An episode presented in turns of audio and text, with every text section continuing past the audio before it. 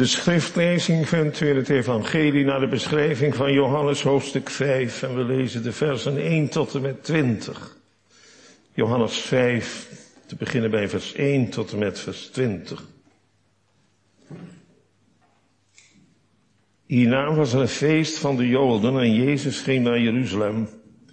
En er is in Jeruzalem bij de schaapspoort een badwater dat in het Hebreeuws Bethesda wordt genoemd met vijf zuilengang. Daar lag een grote menigte van zieken, blinden, kreupelen en verlamden die wachten op de beroering van het water. Want een engel daalde van tijd tot tijd neer in het badwater en bracht het water in beweging. Wie dan het eerst daarin kwam na de beweging van het water werd gezond. Aan welke ziekte hij ook leed. En dan was een man die al 38 jaar ziek was. Jezus zag hem liggen. En omdat hij wist dat hij een lange tijd ziek was, zei hij tegen hem, wilt u gezond worden? De zieke antwoordde hem, mijn heer, ik heb geen mens om mij in het badwater te werpen wanneer het water in beroering gebracht wordt. En terwijl ik kom, daalt een ander voor mij af. Jezus zei tegen hem, sta op, neem uw lichtmat op en ga lopen. En meteen werd de man gezond, nam zijn lichtmat op en ging lopen. En het was Sabbat op die dag. De Joden dan zeiden tegen hem die genezen was, het is Sabbat, het is u niet geoorloofd de lichtmat te dragen. Hij antwoordde hun, die mij gezond gemaakt heeft, die heeft tegen mij gezegd, neem uw lichtmat op en ga lopen. Ze vroegen hem dan, wie is die mens die u gezegd heeft, neem uw lichtmat op en ga lopen? En die genezen was, wist niet wie het was, want Jezus had zich ongemerkt verwijderd, omdat er een menigte was op die plaats. Daarna vond Jezus hem in de tempel en zei tegen hem, zie u bent gezond geworden, zondig niet meer, opdat u niet iets ergers overkomt. De man ging weg en berichtte de Joden dat het Jezus was die hem gezond gemaakt had. En daarom vervolgden de Joden Jezus en probeerden ze hem te doden omdat hij deze dingen op de Sabbat deed. Maar Jezus antwoordde hun, mijn vader werkt tot nu toe en ik werk ook. Daarom dan probeerden de Joden des te meer hem te doden, omdat hij niet alleen het gebod van de Sabbat brak, maar ook zei dat God zijn eigen vader was.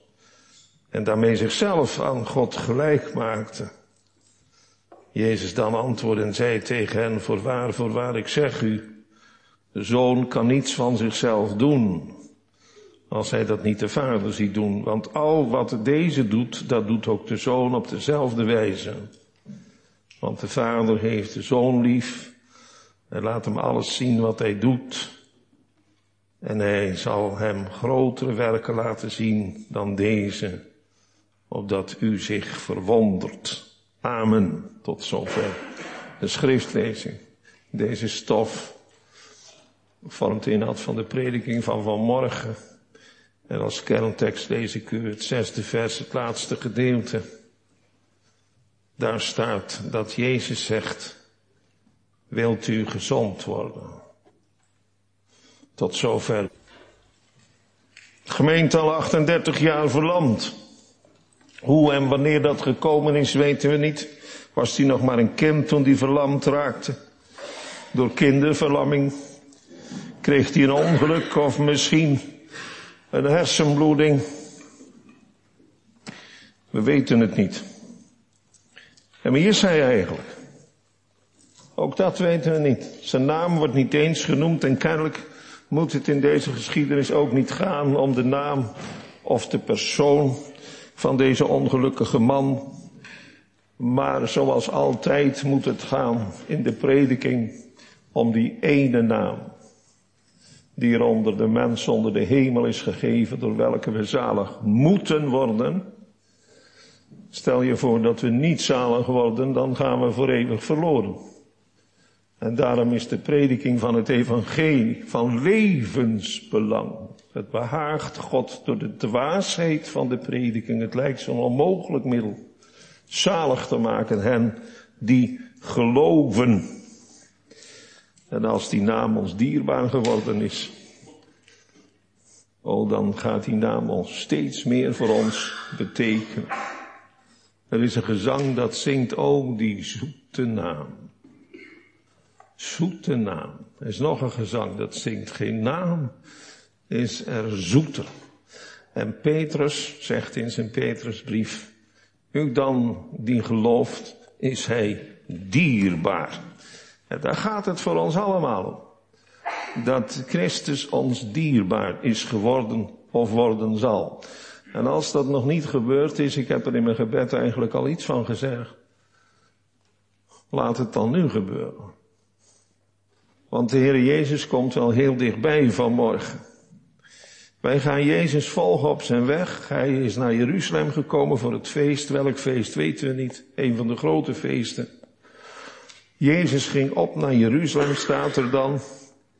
Maar dan wordt ons verteld dat hij op weg is naar een zeker mens. Zo wordt er over deze man gesproken in vers 5. Aldaar was een zeker mens.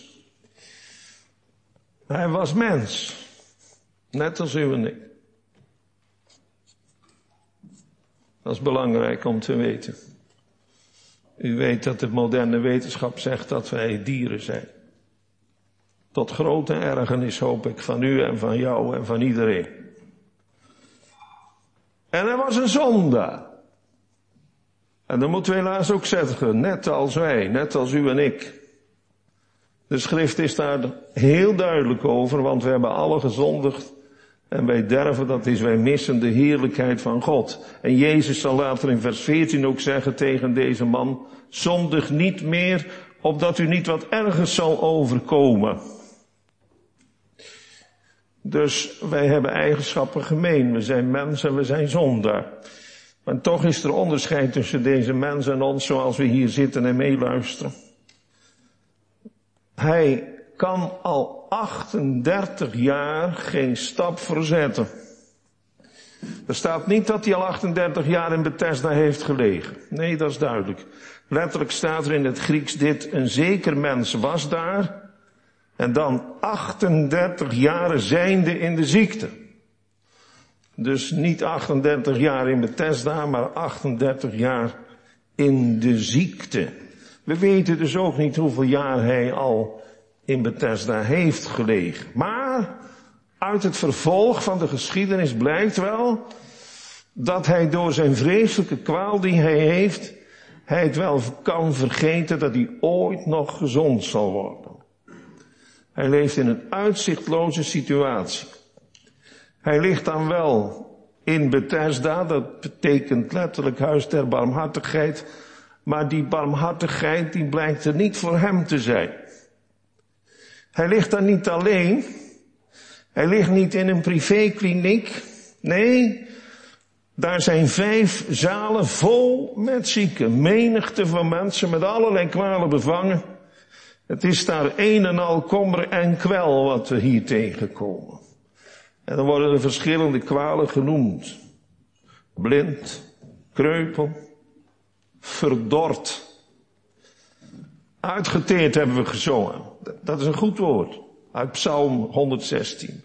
Ik was uitgeteerd, want verdord wil zeggen uitgedroogd. Verschrompeld. Zijn ledematen, welke precies, waren zo verschrompeld dat hij geen stap kon zetten. Misvormd. U ziet dat wel eens. En is er met dit Bethesda iets bijzonders aan de hand. Het hele complex was een vijftal zalen geconcentreerd rondom een badwater. Het is geen kuuroord, zoals bijvoorbeeld in het Belgische Spa met geneeskrachtige bronnen. Het is ook geen verpleeghuis zoals Salem met een team van artsen en verzorgenden. Nee, volgens vers 3 zijn al die zieken wachtenden. Staat een tegenwoordig deelwoord, wachtenden. Dat betekent dat al die patiënten die daar liggen niet anders doen dan wachten. Waarop? Wel, dat staat er ook. Wacht op de beroering, dat is de beweging, het opborrelen of het onstuimig worden van het badwater. En volgens vers 4 horen we dan precies wat er dan gebeurt. Want een engel daalde neer op een zekere tijd in dat badwater, beroerde het water. Wie er dan het eerst inkwam na de beroering van het water, die werd gezond. En of er nou daadwerkelijk een engel te zien was, die dat water kwam beroeren. Of dat die mensen geloofden dat er een engel kwam om dat water te beroeren, dat weten we niet. Maar hoe het ook zij, de hemel raakt hier op een specifiek moment, de door God bepaalde tijd, de aarde aan. En dan kwam, als dat water beroerd werd, in beweging kwam, kwam daar een snelle reactie op. Kwamen ook al die zieken die er lagen in beweging om zo snel mogelijk in het water te duiken, te springen of te rollen. En degene die dan als eerste in het water kwam, die werd gezond. Van welke ziekte hij ook bevangen was. Nou, dat is het bijzondere van Bethesda. En daar was die man. En nu, nu gaat Jezus naar Bethesda toe. En dat mag onze harten wel gaande maken. Want hij gaat er niet zomaar heen. Nee, hij gaat, zo lezen we, naar een zeker mens. Van wie we nu al weten dat hij 38 jaar ziek is. En dat hij een zondaar is. En dat hij al vele malen geprobeerd heeft om in dat badwater te komen. Maar altijd te vergeefs. Nooit gelukt.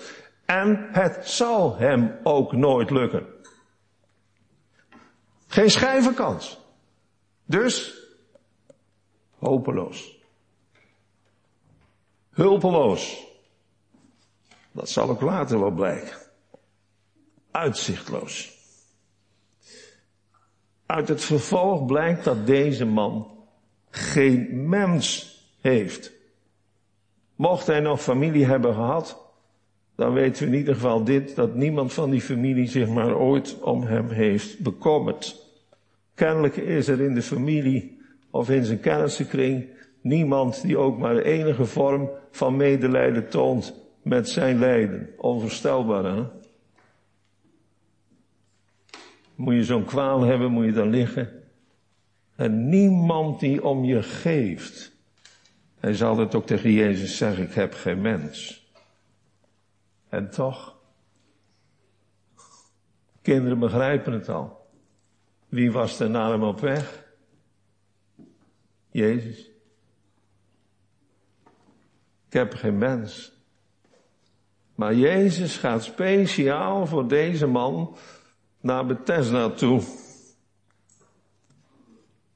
Misschien heeft deze man wel eens van Jezus gehoord, dat weten we niet. Maar in ieder geval, dit weten we. Hij kende Jezus niet. Heeft hem nooit gezien. Heeft hem nooit gehoord. En in vers 6 wordt ons verteld dat Jezus in Bethesda is.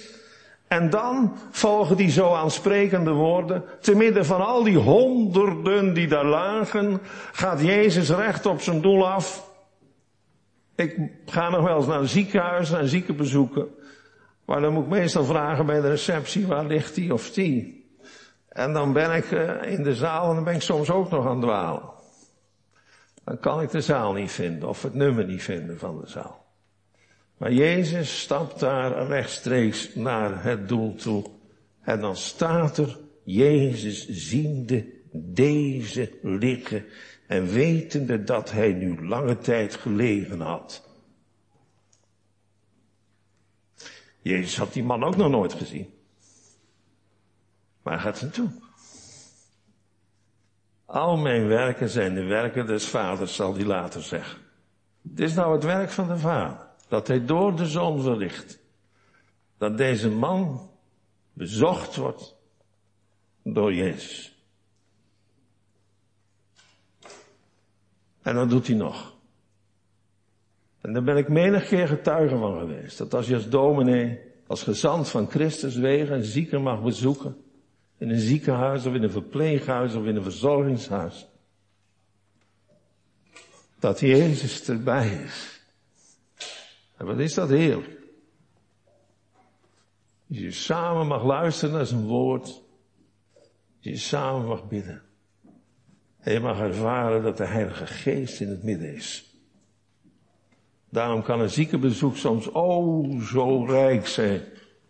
Soms is het ook heel moeilijk en zwaar. Ik heb ooit eens een bezoek gebracht in een ziekenhuis. Toen was ik nog maar kandidaat. En was ik vicaris bij dominee JHC Olie. Al lang overleden. En ik ging hem een eerste bezoek brengen, samen met hem in een ziekenhuis. Ik had nog nooit een zieke bezocht in een ziekenhuis. En we kwamen op een zaal met vier mensen. En we gingen naar de man toe, die lid was van de gemeente van dominee Olie. En die man moest er eigenlijk niets van weten. Dat is wat, hè?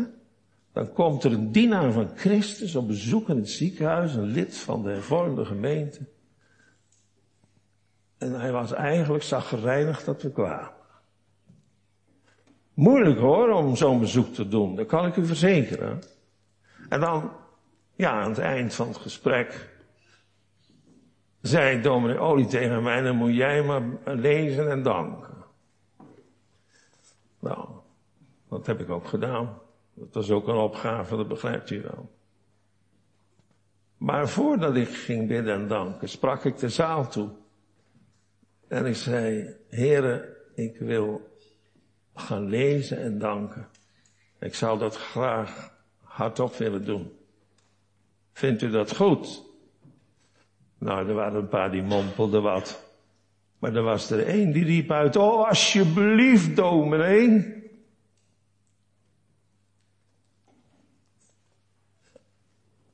We hebben het gedaan, we hebben afscheid genomen. En toen zijn we naar die man toegegaan, die daar lag. Dan moet je nagaan, iemand van jouw gemeente, die dan min of meer de boot afhoudt gedurende het hele gesprek. En dan in twee bedden verder ligt er een, die ligt te hunkeren. Naar het woord en naar het gebed. Die man die bleek ongeneeslijk ziek te zijn. En die wilde alleen maar van de Heer Jezus horen.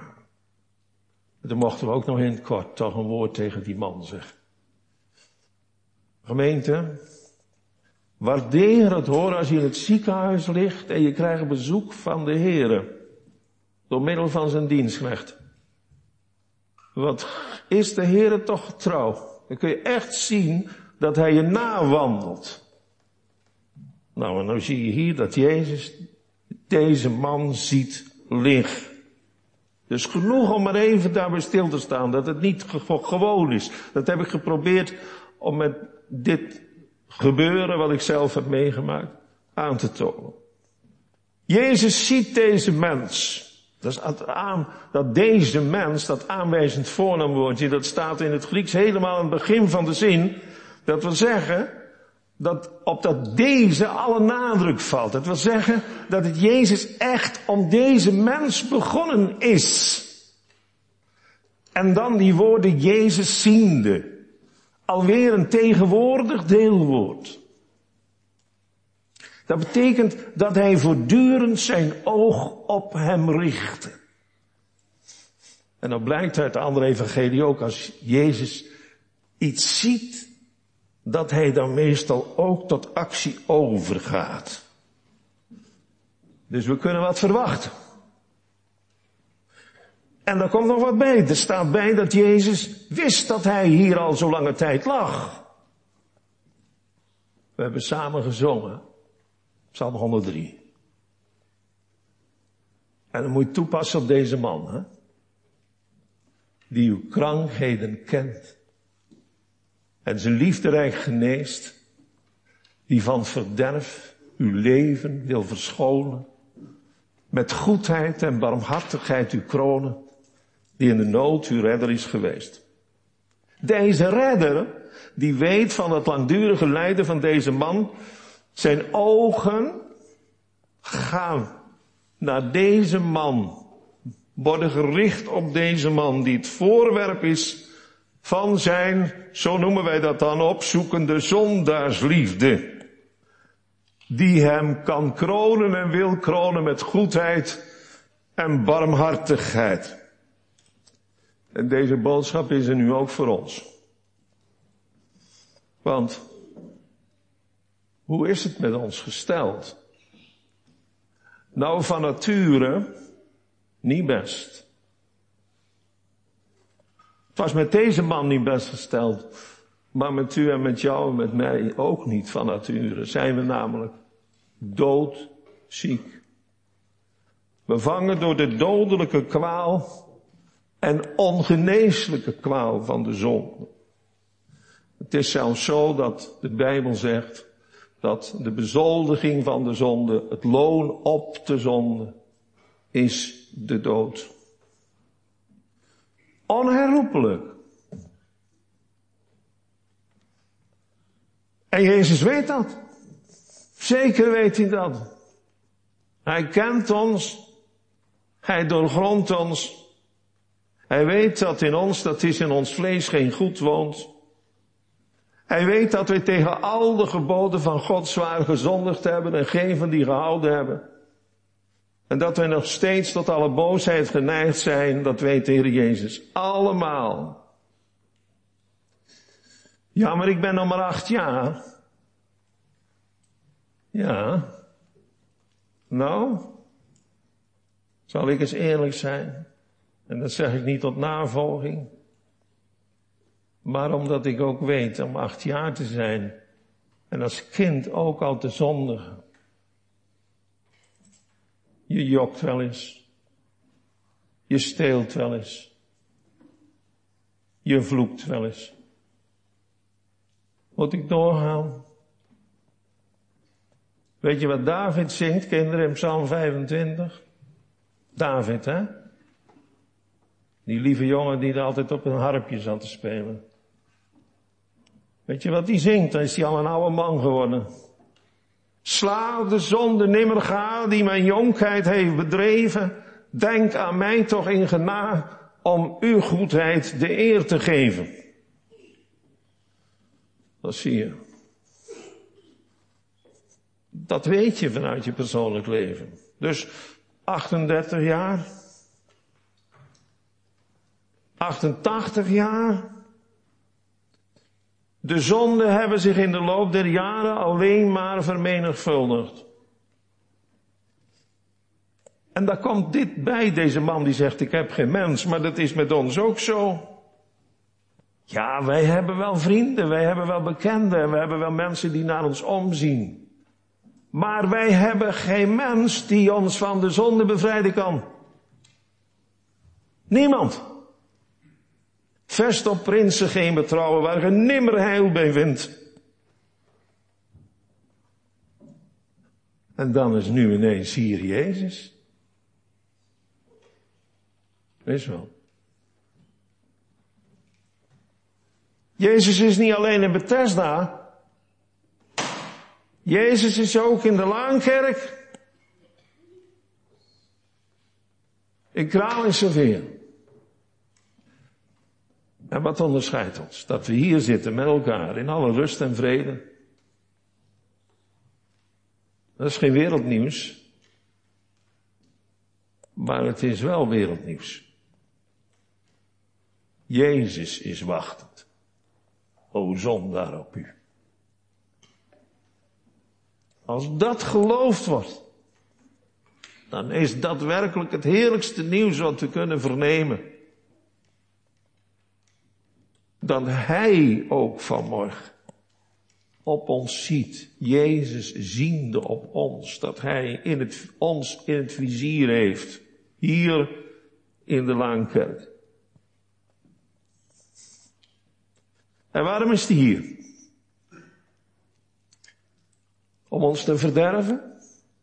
Omdat we alles op ons geweten hebben, wat ik zojuist heb geschetst? Nee, juist omdat het zo met ons gesteld is, is Hij hier. Om ons te laten horen wat Hij ervoor over heeft om ons van al onze zonden te bevrijden. Hij wordt onze bloedbruidegom genoemd. Hij heeft zoveel liefde tot zondaars, dat hij zichzelf voor 100% erover heeft gehad, naar ziel en lichaam beide. Om zich op te offeren, totaal en radicaal. Zodat hij het uit kon roepen, het is volbracht. Vader, nu kunnen ze allemaal in de Laankerk zalig worden. Daarom is hij hier. Om die boodschap te laten horen. En dan zijn er misschien onder ons, en dat kan ik nog goed begrijpen ook hoor.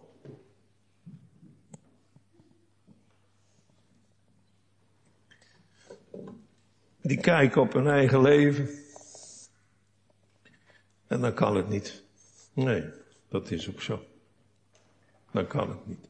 Ik heb u toch gezegd dat geen mens u kan redden. Laat staan dat je jezelf kunt redden. Maar dan heb ik toch een woord van Gods wegen. Al waren uw zonden als scharlaken, ze zullen wit worden als sneeuw. Kijk, dat doet hij. Dat doet hij. Was mij geheel, zo zal ik witter wezen dan sneeuw die vers op het aardrijk nederviel. Dat is zijn werk. Vandaar dat Peter zegt, was mij dan maar helemaal. Nee, gij zijt rein om het woord dat ik tot u gesproken heb. Daar gaat het om. Zo worden we rein.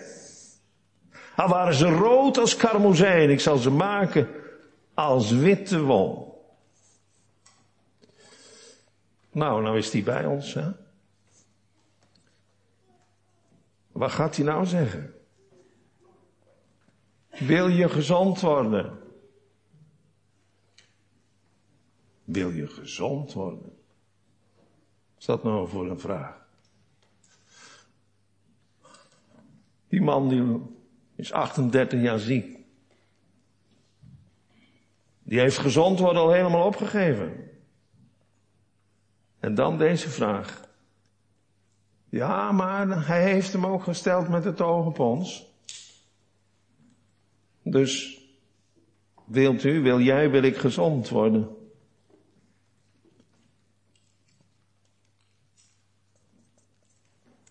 En dit vraagt Heer Jezus.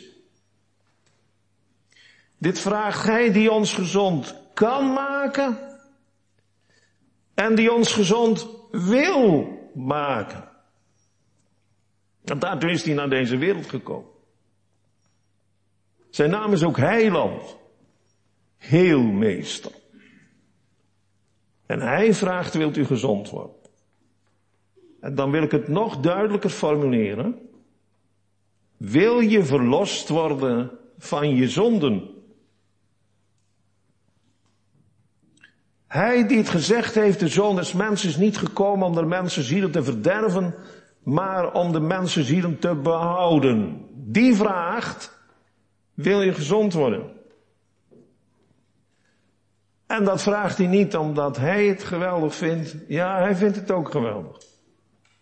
Maar hij is hier op het gebod van de Vader. Dat maakt het zo rijk.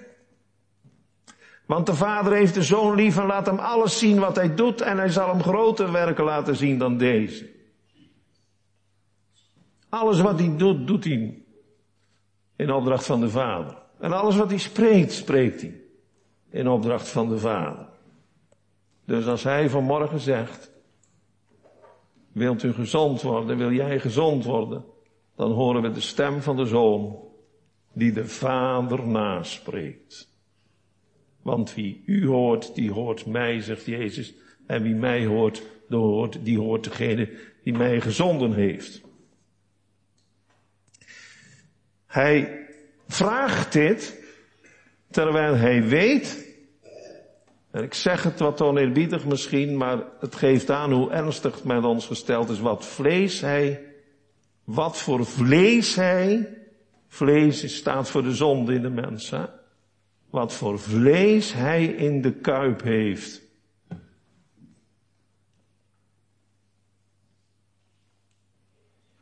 Hij doorziet ons. Hij kent ons. Hij weet ons zitten en ons opstaan. Hij weet wat in de mens is, staat er zelfs in het Nieuwe Testament. Nou, deze zieke mens, die weet geraad met die vraag van Jezus. Die man die leeft, en dat begrijpen we inmiddels wel, die leeft helemaal in zijn eigen wereldje. Een wereld van frustratie. Een wereld van eenzaamheid, van uitzichtloosheid. En bovendien weet hij niet met wie hij te doen heeft. Die man die dat aan hem vraagt is voor hem een volkomen vreemde. Maar dit moeten we toegeven, zijn antwoord op de vraag van Jezus is correct en eerlijk. Heere zegt hij, ik heb geen mens om mij te werpen in het badwater. Wanneer het water beroerd wordt en terwijl ik kom, zo daalt een ander voor mij neer. Ja, dat is het bekende verhaal waar hij al jaren mee worstelt. Lange tijd had hij hier gelegen, Jezus weet het. En dan komt het antwoord van Jezus. Kort en verlossend. Sta op, neem uw bed op en wandel. Hoe anders is het met ons gesteld? Jezus is voor ons geen vreemde. De meesten van ons weten van Jezus al van de kinderjaren af. De vertellingen uit de kinderbijbel, de verhalen. Op de zonderschool, op de basisschool. En een wat uitgebreider onderwijs op het voortgezet onderwijs over de Heer Jezus. Een schat van gegevens is in onze kinderjaren opgeborgen in ons hoofd. Heel veel van Jezus weten. Want als het goed is, heeft dat zijn voortgang gekregen. In catechisatie, beleideniscatechisatie, beleidenis doen. Heel veel weten van hem. En toch een vreemde voor ons. Omdat we nooit hebben leren kennen. In geestelijke zin hebben we leren kennen. Omdat we nooit nodig hebben gekregen. Omdat onze zonden ons nooit hebben uitgedreven naar Hem die gekomen is om die zonde als het lam Gods weg te dragen. En hij heeft dan geroepen. Hoeveel zondagen zijn er hier al voorbij gegaan dat die stem van Jezus je riep? Maar de Bijbel zegt, waarom riep ik? En antwoordde jij niet? Hij zag wel op ons. Maar wij draaiden ons hoofd om. Jezaja zegt, en ieder was als verbergend het aangezicht voor hem. Zie je het voor je?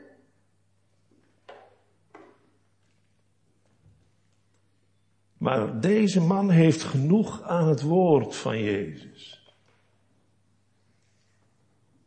Vergis je niet, het woord is een kracht Gods tot zaligheid. Zo luisteren hoor. Zo luisteren. Hij krijgt een bevel van de koning der koningen, van de heren der heren. Hij krijgt een bevel van hem die alle macht is gegeven in hemel en op aarde. Sta op! Ja, zegt het ongeloof, je kan wel zeggen dat je moet opstaan, maar hoe moet dat? Die man met die verdorde benen. Een mens kan zomaar niet geloven. Sta op! En die mens doet het. Dat kan niet. Hij doet het. Door het geloof is hij gehoorzaam. En doet hij onmiddellijk wat Jezus zegt. En terstond werd de mens gezond, staat er. Hij nam zijn bed op en wandelde. Hij heeft gevoeld hoe de woorden van Jezus de kracht in zijn benen weer teruggaven. En dan ook direct opstaan en wandelen. Wij zeggen, als je je benen nooit gebruikt hebt of zo lang niet gebruikt hebt, ja, dan ga je eerst maanden naar de fysiotherapeut om weer wandelen en lopen te leren, die waar. Nee, direct wandelen. En volgens het bevel, alles wat Jezus heeft bevolen, doet hij. Sta op, neem je bedje op en wandel. En hij doet het. En hij wandelt spontaan rond in Jeruzalem. En verder wordt er over de gevoelens van dankbaarheid en verwondering van die man niks gezegd. Maar nogmaals, zoals ik het aan het begin gezegd heb, de Heer heb, de Heere, die uh, is het kennelijk niet zozeer om die man te doen, dan wel om wat Jezus aan hem heeft gedaan. Ik zal, o Heer, uw wonderdaan, uw roemde volken doen verstaan. Dat. Daar gaat het om. Het gaat om de verheerlijking van God en zijn lieve zoon. Nou, en deze boodschap wordt ons verteld. Verkondigd notabene. En kwam tot deze verlanden het bevel, sta op, neem uw bed op en wandel. Dit is het bevel dat tot ons komt. Wend u naar mij toe. O alle gij der aarde. Want ik ben God. En niemand meer. Alle gij der aarde. Hoort daar de Laankerk bij of niet? Hoe wist hij te vinden, hè? Hoe weet hij u te vinden en jou hier onder die honderden in Bethesda? Hij wist hem te vinden. en zo luister. Hij weet mij te vinden. En dan ook te geloven dat je op dit moment gevonden wordt door hem. Deze man heeft dat ervaren. Hij geloofde het. En hij sprong op. En hij nam zijn bed op en wandelde. Ik roem in God. Ik prijs het onfeilbaar woord. Ik heb het zelf uit zijn mond gehoord. Ik heb beloofd wanneer in mijn ellende mij bijstand bood. Toen hij af zou wenden. Tot u, o God, mijn lofzang op te zenden. Door ijver aangespoord. Toch is er nog een adder onder het gras. En wel deze. Ja, je, kunt je niet voorstellen, maar het is echt zo. Want wat staat er dan?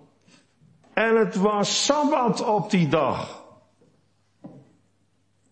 Nou, wij zouden zeggen vreugde, vreugde, het is zondag. Het is de mooiste dag van de week. En 38 jaar niet naar de kerk gekund. Op een bed gelegen en nu gezond terwijl rondwandelen. Met je bedje onder je arm.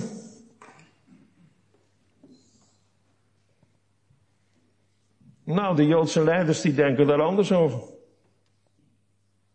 Ze weten dat die man genezen is. Ze kennen hem. Ze wisten ook van zijn diep ellendige toestand. En nu ze deze man gezond en wel zien wandelen, ja, dan denk ik aan een stem van vreugde, gezang en van lof en van een feest hadden de menigte. Loof de Heere, want Hij is goed. Loof hem met een blij gemoed. Want zijn gunst alom verspreid zal bestaan in eeuwigheid. Maar nee, dit is wat die blinde leidslieden zeggen. Het is Sabbat. Het is u niet geoorloofd dat beddeken te dragen. Spijkerhard. Geen woord over zijn wondere genezing. Nee, Sabbat, zoals hun naar de Sabbat kijken. Nou, dat is niet best. Hier wordt het wetticisme ontmaskerd. Wetticisme is altijd herkenbaar aan liefdeloosheid. Gebod op gebod en regel op regel. Het gaat dan alleen maar om de woorden. Het gaat dan alleen maar om de dode letter. Maar het gaat niet om de geest van de woorden. En de geest van de letters. We hebben de samenvatting van de wet gelezen met elkaar. God lief te hebben boven alles en je naast als jezelf. Daar gaat het om. En de apostel Paulus zegt in 1 Korinthe 13, al waar het dat ik de talen der mensen sprak en van de engelen en ik had de liefde niet, zo waar ik een klinkend metaal en een luidende schel geworden.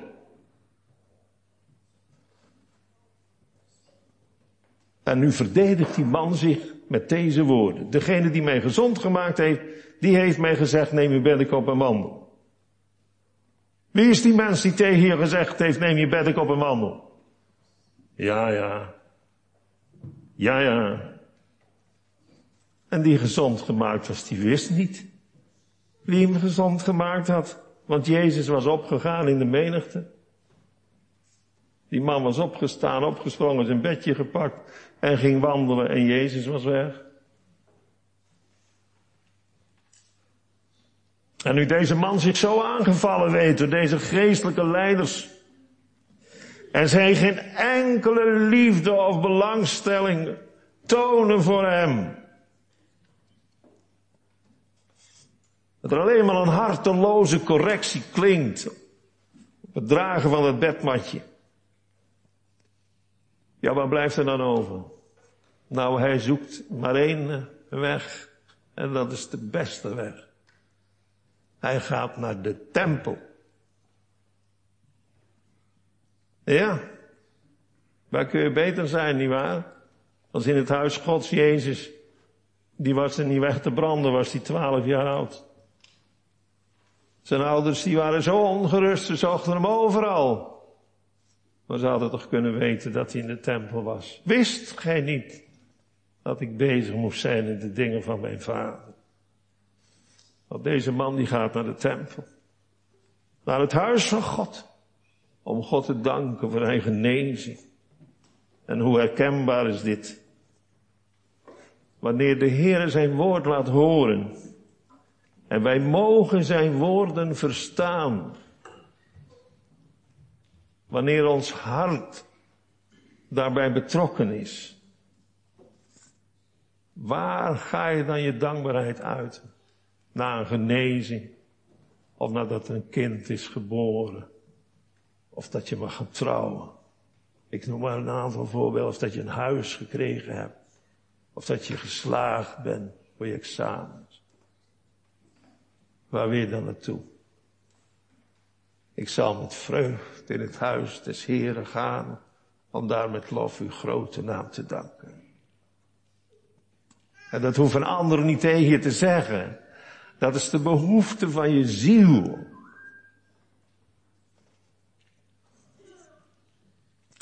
En u, die de Heer Jezus mag kennen. Ja. Ik hoef u niet naar de kerk te jagen, toch? Nee. Ik hoef op huisbezoek niet te zeggen, waarom zien we u nooit meer in de kerk? Oh nee, als het kan zie je het misschien als eerste al. Gods huis, hoe lieflijk zijn mij uw woning, o Heere der Heer. En dan dat innige, hè, mijn ziel is begeerig en bezwijkt ook van verlangen naar de voorover des Heeren. Mijn hart en mijn vlees roepen uit tot de levende God. Mensen, dat is de taal van het hart. Dat is de taal van je diepste wezen, van je mens zijn. In vereniging, in gemeenschap. Met die zoete naam van Jezus. En die dierbare persoon van Jezus. 38 jaar niet in de tempel geweest en nu is hij er. En hoe wordt hij gezegend? Er lopen daar misschien wel 20, 30, 40.000 mensen, want het was natuurlijk druk van die grote feesten. Ik heb er geen idee van. In ieder geval duizenden mensen. En wie staat er ineens voor hem? Jezus. Jezus heeft hem weer feilloos gezocht en gevonden. Ja, bevel van de Vader. Anders zou hij het nooit gedaan hebben. Hij deed niets zonder de Vader, niets buiten de Vader om. En Jezus ziet hem. Eerst heeft hij daar in zijn ellende zien liggen. Met zijn verschrompelde beentjes. En, en nu genezen. Stralend van blijdschap. In de tempel. De plaats waar Jezus ook zo graag was. En daar ziet hij hem. Ze treffen elkaar. Maar Jezus zegt geen woord over de Sabbat. Hij zegt ook geen woord over die blinde leidslieden die die man lastig hebben gevallen. Dat wist hij natuurlijk ook, dat dat gebeurd was. Nee, hij zegt, zie gij zijt gezond geworden. Hij onderstreept het nog eens. En dan een waarschuwing erbij, zondig niet weer, omdat u niet wat ergers overkomen. Dit is een waarschuwing aan het adres van een gezonde man. En deze waarschuwing heeft ertoe geleid dat er toch best wel heel veel verklaarders zijn die verschillend denken over de geestelijke toestand van deze man. Want, zegt men dan, het zou van ondankbaarheid getuigen dat deze man na de ontmoeting met Jezus in de tempel naar de fariseërs was gegaan om de naam van Jezus bekend te maken. En dat heeft ertoe geleid, dat hebben we ook gelezen, dat ze met nog meer vijandschap vervuld zijn geworden. En met nog meer ernst trachten te doden. Maar wat is er voor verkeerd aan om te gaan vertellen dat Jezus je genezen Dacht u dat die man naar die eh, leiders is gegaan om die naam te noemen van dan kunnen jullie hem vermoorden? Dat is toch onvoorstelbaar? Nee, hij wilde getuigen van Jezus. Hij wist het niet, hij wist het echt niet, hij kon het ook niet weten. Maar inmiddels wist hij het. En daarom gaat hij naar die mensen toe. Die hadden het hem gevraagd, wie heeft jou genezen? En dan gaat hij zeggen dat Jezus het gedaan heeft. Jezus heeft zelf gezegd tegen zijn discipelen, gij zult mij getuigen zijn. Dat is vast aan het geloof verbonden. Als je tot in de Jezus Christus mag komen, dan ga je ook van hem spreken. Dat kan niet anders. Omdat Jezus het beloofd heeft, je zult mij getuigen zijn. Dat is geen gebiedende wijze in de zin van, denk erom dat je van mij getuigt. Nee, je zult het zijn. Dat is vrucht van het nieuwe leven. Je mond gaat overvloeien tot zijn Heer. Omdat je hart vol geworden is van Hem. Nou, dat is wat hier gebeurt. En gelukkig reikt Jezus zelf de sleutel om dit woord te verstaan. Want dit is het antwoord van Jezus op die bloeddorstige, want Jezus wordt met die bloeddorstige reactie van die fariseërs en schriftgeleerden in kennis gesteld, vandaar dat we tot vers 20 hebben gelezen. Dit zegt hij. In verband natuurlijk met die wonderlijke genezing op de Sabbat, want daar ging het die mensen om. Dat die man genezen was, dat interesseerde zich in bal. Nee, dat hij dat bedje droeg. Hij zegt Jezus tegen die schriftgeleerden, mijn vader werkt tot nu toe. En ik werk ook. De zoon kan niets van zichzelf doen, tenzij hij de vader dat ziet doen. Dus dan ziet u in welk licht zo'n genezing komt te staan. Zo wat die doet, doet dezelfde ook de zoon des mensen. Want de vader heeft de zoon lief en toont hem alles wat hij doet. En hij zal hem groter werken tonen dan deze, opdat ge u verwondert. Groter werken dan deze. Dat deze slaat natuurlijk terug in de eerste plaats op die wonderlijke genezing van deze man door Jezus. En vervolgens staat dit ook op het gegeven dat dit werk op de Sabbat plaatsvond. Jezus laat hier horen dat dat de eigen werken van de Hemelse Vader waren. Die door hem als de Zoon van de Vader is uitgevoerd. De Vader heeft Jezus als zijn Zoon naar deze mens gezonden om hem te genezen. En zou nu de Heilige Geest die man aan zijn lot overlaten? Onmogelijk. Zou nu dat getuigenis dat Jezus hem gezond gemaakt hebben, bijgedragen hebben tot de dood van Jezus? Oh nee, Jezus zegt, wist gij niet dat al deze dingen moesten geschieden? Naar de bepaalde raad en voorkennis van de Heer. Maar deze man, die mag in het huis des vaders verkeren.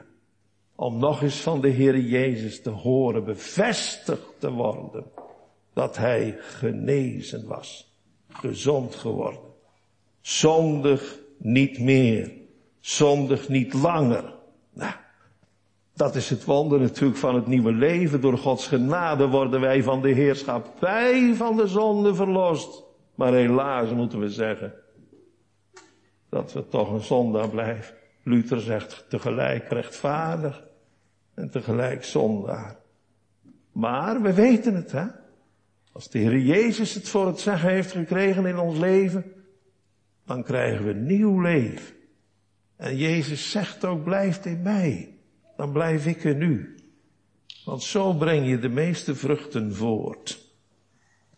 En over dat zondag niet meer, Datzelfde principe komen we weer terug bij dezezelfde Johannes die dit evangelie heeft geschreven in 1 Johannes 2. Daar schrijft hij, mijn kinderkens, ik schrijf u deze dingen opdat gij niet zondigt. Zie je, daar heb je hetzelfde terug. Opdat gij niet zondigt. Zondig niet meer.